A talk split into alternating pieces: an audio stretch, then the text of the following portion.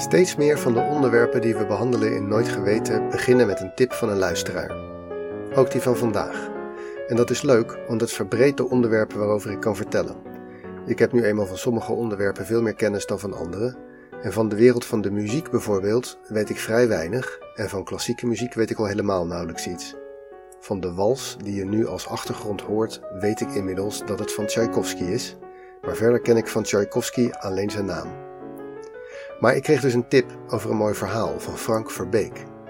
En met Wikipedia in de hand is het dan verder een kwestie van lezen en uitzoeken tot je genoeg context hebt voor een aflevering. Hier komt hij. Nooit geweten, aflevering 29. In het begin van deze eeuw was het nieuwste van de internetrevolutie er inmiddels wel af. Het idee dat alles anders zou worden dat grote bedrijven hun voorsprong kwijt zouden raken op het gebied van kennis en informatie, dat iedereen zijn eigen muziek, literatuur en journalistiek zou gaan uitgeven. Dat idee, daar geloofden we inmiddels niet meer in. Netscape, de bouwer van de eerste commerciële webbrowser, was naar de beurs gegaan en had een kleine groep mensen rijk gemaakt. Maar inmiddels was wel duidelijk dat Microsoft met zijn diepe zakken toch de strijd om de webbrowser ging winnen. De bubbel was geknapt Internet was toch geen revolutie.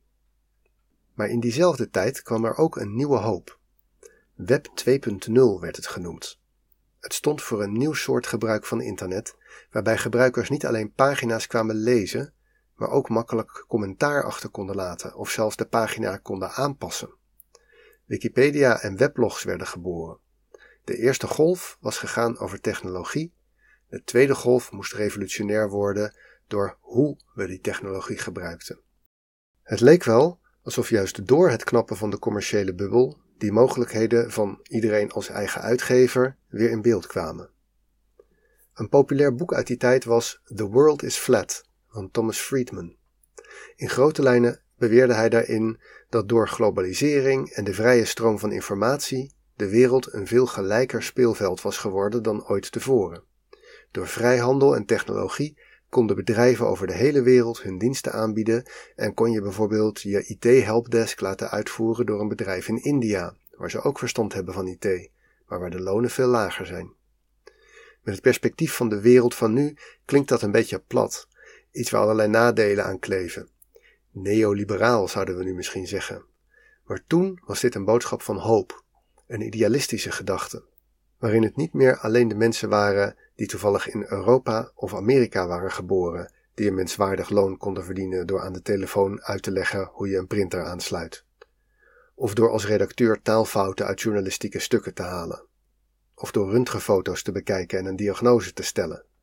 Over de hele wereld zouden mensen mee kunnen concurreren en op de platte wereld zou het geld naar veel meer plekken kunnen stromen dan eerst. Het was de kans voor mensen die nooit gezien worden om mee te doen in het spel met de usual suspects. In dat perspectief zou ik willen kijken naar de ontdekking van de artiest waar deze aflevering over gaat. Het begon in 2002 op een online groep van liefhebbers van pianomuziek op Yahoo Groups. In die groep hielden ze vaak anonieme luistersessies. Dan kregen ze een stuk pianomuziek te horen en moesten ze de kwaliteit beoordelen zonder dat ze wisten wie de uitvoerend artiest was. Een van de vaste leden van die groep deelde op die manier op een dag een stuk dat volgens een aantal van de groepsleden een superieure uitvoering was. Het was een stuk van Mendelssohn, zoals omgeschreven voor piano door Rachmaninov. Heel lastig om te spelen. Een deelnemer zei zelfs dat hij het bijna niet durfde te zeggen, maar dat hij deze uitvoering mooier vond dan de uitvoering van Rachmaninov zelf. De uitvoerende bleek een heel onbekende artiest. Een Britse concertpianiste die inmiddels 74 jaar oud was en al 30 jaar geen publieke optredens meer gaf. Haar naam was Joyce Hatto. Ze was getrouwd met William Barrington Coop, een platenproducer. Ze leed al tien jaar aan eierstokkanker en haar vooruitzichten waren slecht. Toch, of misschien wel juist daarom, was ze nu weer begonnen met opnames maken. In de studio in hun huis, met haar man aan de knoppen. En die opnames brachten ze in kleine oplages uit op CD. In de online groep was grote bewondering voor de prachtige uitvoering en een aantal leden bestelden de CD.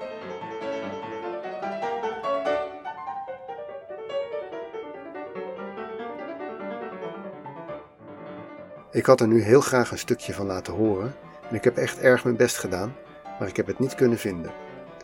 Wat je nu hoort is wel dat stuk, maar niet de uitvoering van Joyce Hatto. Aan het eind van deze aflevering zal je begrijpen waarom.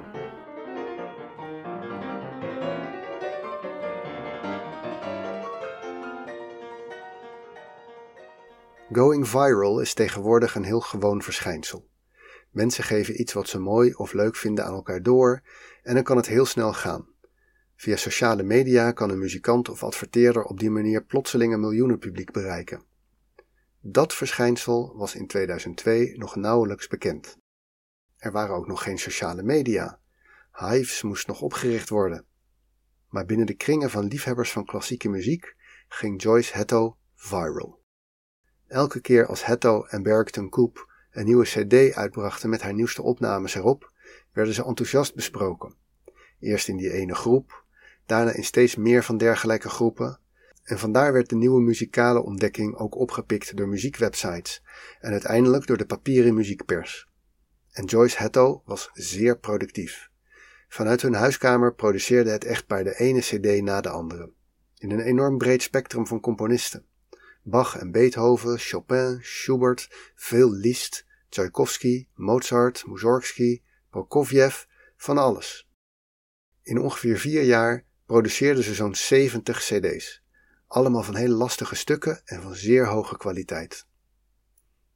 Het verhaal paste precies in dat populaire idee van The World is Flat.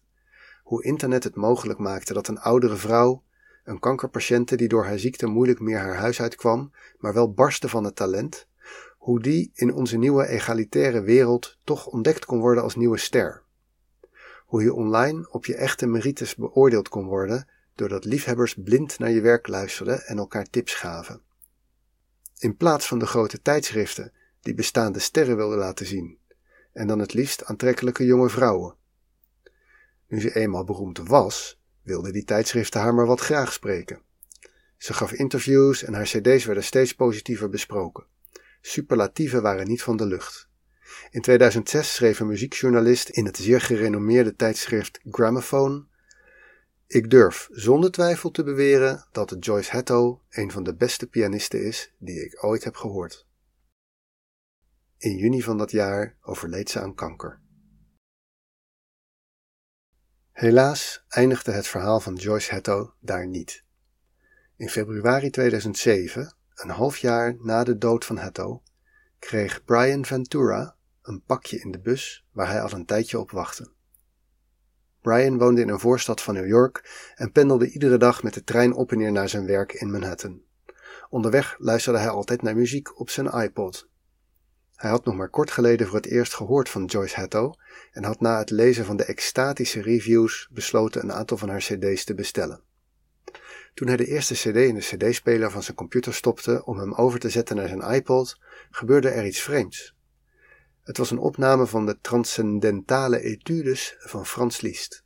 Apple iTunes probeert een nieuwe cd altijd te vinden in online databases. Dan vergelijken ze eigenlijk alleen het aantal tracks en de precieze lengte van iedere track.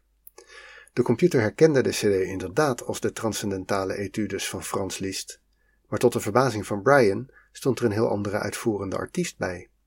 Niet Joyce Hatto, maar ene Laszlo Simon. Dat kon natuurlijk een foutje zijn in de database. Of ene Laszlo Simon had precies dezelfde stukken opgenomen met precies dezelfde lengtes. Hij luisterde de volgende ochtend in de trein naar de opname en vond het prachtig. Zodra hij op zijn werk was, kon hij zijn nieuwsgierigheid niet bedwingen en zocht op zijn werkcomputer de CD van die Laszlo op op Amazon, met daarbij van elke track een fragment waar je naar kon luisteren.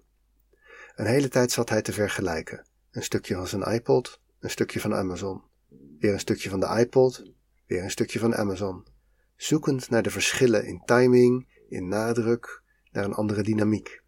Maar bij de meeste tracks kon hij geen enkel verschil waarnemen. Wat te doen? Zou die Hongaar de opnames van Hetto hebben geplagieerd? Of andersom?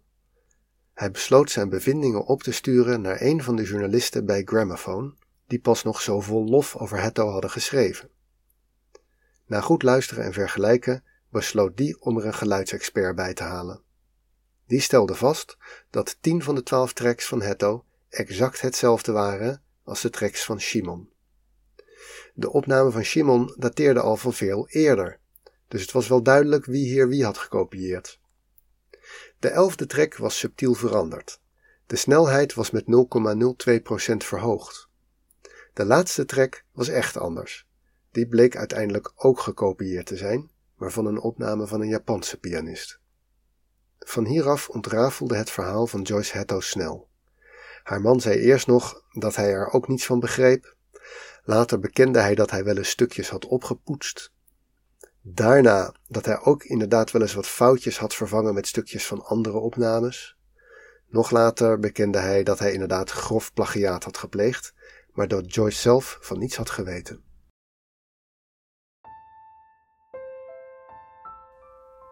Achteraf is het altijd makkelijk praten, maar misschien waren een paar onderdelen van het verhaal ook wel te mooi om waar te zijn.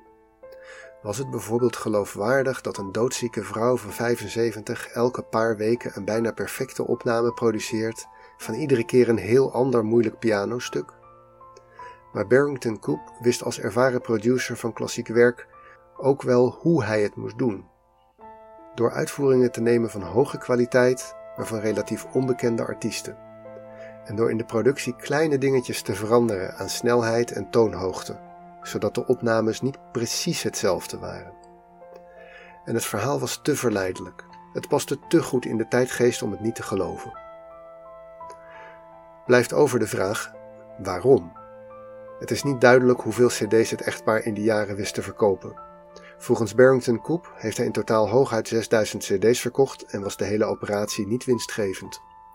Andere bronnen zeggen dat er wel degelijk honderdduizenden van verkocht zijn. Barrington Coop bleek ook al eerder in zijn carrière voor fraude veroordeeld te zijn geweest, dus misschien moeten we aan zijn beweringen niet heel veel waarde hechten. Maar toch. Volgens hem deed hij het alleen maar om zijn vrouw in de laatste jaren van haar leven nog een succes te laten beleven. Ze wilde zo graag muziek blijven maken. En toen ze opnames gingen maken, poetste hij kleine foutjes van haar weg door wat te knippen en te plakken met verschillende takes van de uitvoering. Later, toen ze steeds slechter werd, begon hij hele stukken te vervangen door stukken uit uitvoeringen van anderen. Hij wilde haar niet confronteren met haar achteruitgang, maar door het online enthousiasme kon hij er ook niet goed mee ophouden. Toen ze nog slechter werd, liet hij haar nog wel spelen, maar produceerde hij hele opnames op basis van het werk van anderen. Al dus de liefhebbende echtgenoot.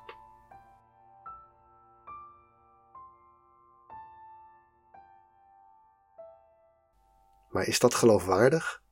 Zou een professioneel concertpianiste die een moeilijk stuk heeft opgenomen werkelijk niet meer weten dat er allerlei delen fout gingen? En dan later bij het terugluisteren denken: Nou, dat viel nog best mee. Sterker nog, sommige van de opnames waren niet solo, maar begeleid door een heel orkest. Volgens de CD-hoesjes het National Philharmonic Symphony Orchestra. Ook die opnames bleken aantoonbaar plagiaat. Je zou denken dat Joyce zelf ook moet hebben gedacht: heb ik met een heel orkest opgetreden? Kan ik me niet zo 1, 2, 3 voor de geest halen? Nog een waarom is de volgende. Hoe is het mogelijk dat het muziekestablishment hier zo massaal intrapte? Is er dan maar zo weinig verschil tussen alle verschillende opnames van een stuk dat experts ze niet herkennen? En dat ze zelfs bij een uitvoering die al lang circuleert zeggen dat het het beste is wat ze ooit hebben gehoord? Als het maar in de juiste context wordt aangeboden met het juiste verhaal erbij? Misschien was dat zelfs het hele punt. Sommigen denken dat het Hetto en Barrington Coop er om te doen was om de muziekwereld te kakken te zetten. Uit veel interviews spreekt een frustratie over hoe die wereld werkt. Over hoe Joyce in haar jongere jaren negatieve recensies kreeg en hoe ze nooit de waardering kreeg die ze verdiende. En hoe muziekcritici altijd alleen maar alles afbranden. Als dat echt zo is, dan is Joyce Hetto er in haar laatste jaren glansrijk in geslaagd om haar voormalige kwelgeesten een enorme hak te zetten. Dit was aflevering 29 van Nooit Geweten. De oplossing van de fotopuzzel was natuurlijk de pagina Joyce Hetto. Nooit geweten is een hommage aan Wikipedia en alle informatie die je hebt gehoord komt daar vandaan en soms van bronnen waarnaar Wikipedia linkt. Je vindt meer details over dit onderwerp via de links in de show notes. Daar vind je ook een Wikipedia fotopuzzel waarmee je kan uitpuzzelen waar de volgende aflevering over gaat. Veel dank aan alle schrijvers die hebben bijgedragen aan de artikelen, aan de makers van de muziek en natuurlijk aan jou voor het luisteren. Trouwens, als je deze podcast fijn vindt om naar te luisteren, kan je een positieve review schrijven over Nooit Geweten. Maar misschien is het ook wel weer eens tijd voor een financiële donatie aan de Wikimedia Foundation. Dankjewel.